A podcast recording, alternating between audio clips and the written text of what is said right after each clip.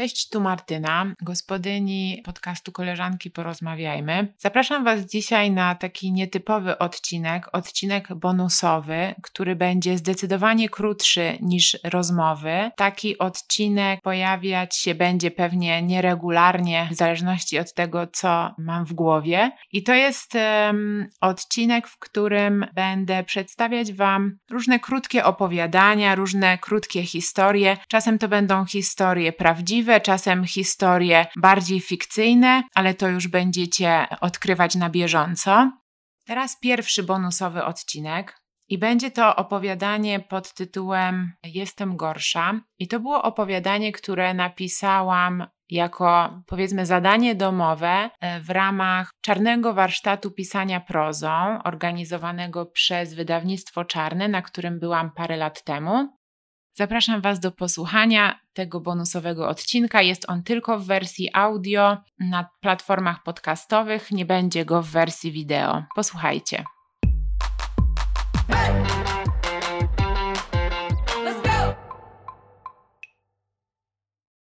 W przedszkolu przy huśtawkach Żaneta mówi, że śmierdzi mi z buzi.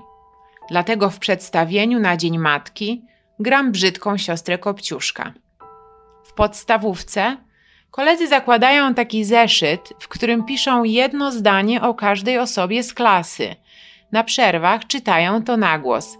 Piszą, że razem z Kają z ławki jesteśmy lesby. Później okazuje się, że mam krzywy kręgosłup i muszę chodzić w plastikowym gorsecie. Do szkoły też. Od wtedy już zawsze siadam w ostatniej ławce pod ścianą. W gimnazjum zaprzyjaźniam się z Alą. Ala ma złote włosy do łokci, ja szare na chłopaka. Ala ma talię, którą można objąć dwoma rękami. Ja przed snem robię sto brzuszków. Biegam najwolniej z klasy. Gdy przyspieszam, cycki obijają mi się o brodę. Innym dziewczynom nic się nie obija, tym na filmach też nie. W drugiej klasie proszę mamę, żeby załatwiła mi zwolnienie z WF-u. W tym czasie z YouTube'a uczę się składać rowery. Cycki ściskam taśmą. Chcę zjeżdżać po górach na łeb na szyję. Jeżdżę bez zbroi. W drugim sezonie wygrywam Mistrzostwa Polski Juniorów. Jednego dnia na szczycie spotykam chłopaka w moim wieku. Nówka, sprzęt, rower, zbroja, kask. Puścisz mnie? Pyta i myśli baba. Puszczam. Po 10 minutach prześcigam go na trasie. Na dole pytam tylko: I jak się jechało za mną? W liceum jadę na zgrupowanie kobiet. Sierpień 40 stopni, mam kupić shorty. W damskich sklepach są tylko takie, spod których widać pół dupy. Idę do męskiego. Zdaję na AWF. Przy obiedzie mówię babci, że chyba poczekam z seksem do ślubu. Babcia mówi: w takim razie nigdy nie wyjdziesz za mąż. Przedstawiam babci Piotra. Kiedy Piotr wychodzi do toalety, babcia mówi: Fajny. Pamiętaj, że chłopa trzeba pilnować i karmić. Rok później opowiadam psycholożce, że mama dzwoni do mnie codziennie, że chce, żebyśmy raz w tygodniu chodziły na kawę. Gdy ją odwiedzam, pyta, czemu na tak krótko. Wczoraj zamiast z mamą poszłam na kawę z Julką. Teraz mama nie odbiera, mówię. Psycholożka robi minę. Wygląda na to, że moje problemy są dla niej zbyt błahe. Już nie wracam. Idę na rozmowę w międzynarodowej korporacji. Jesteś chora? pyta mama. Pomaluj się chociaż trochę.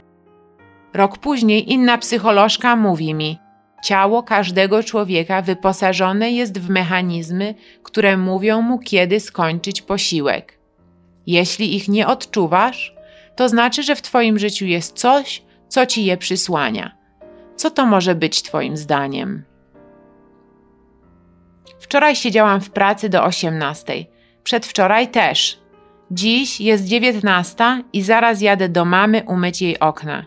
Kiedy wchodzę, mama mówi: był Antek, ale właśnie wyszedł.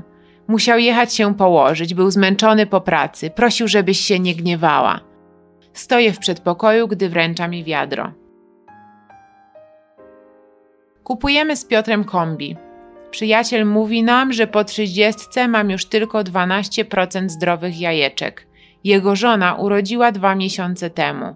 Myślę, nie przeproszę, że nie chcę. Piotr puszcza do mnie oko.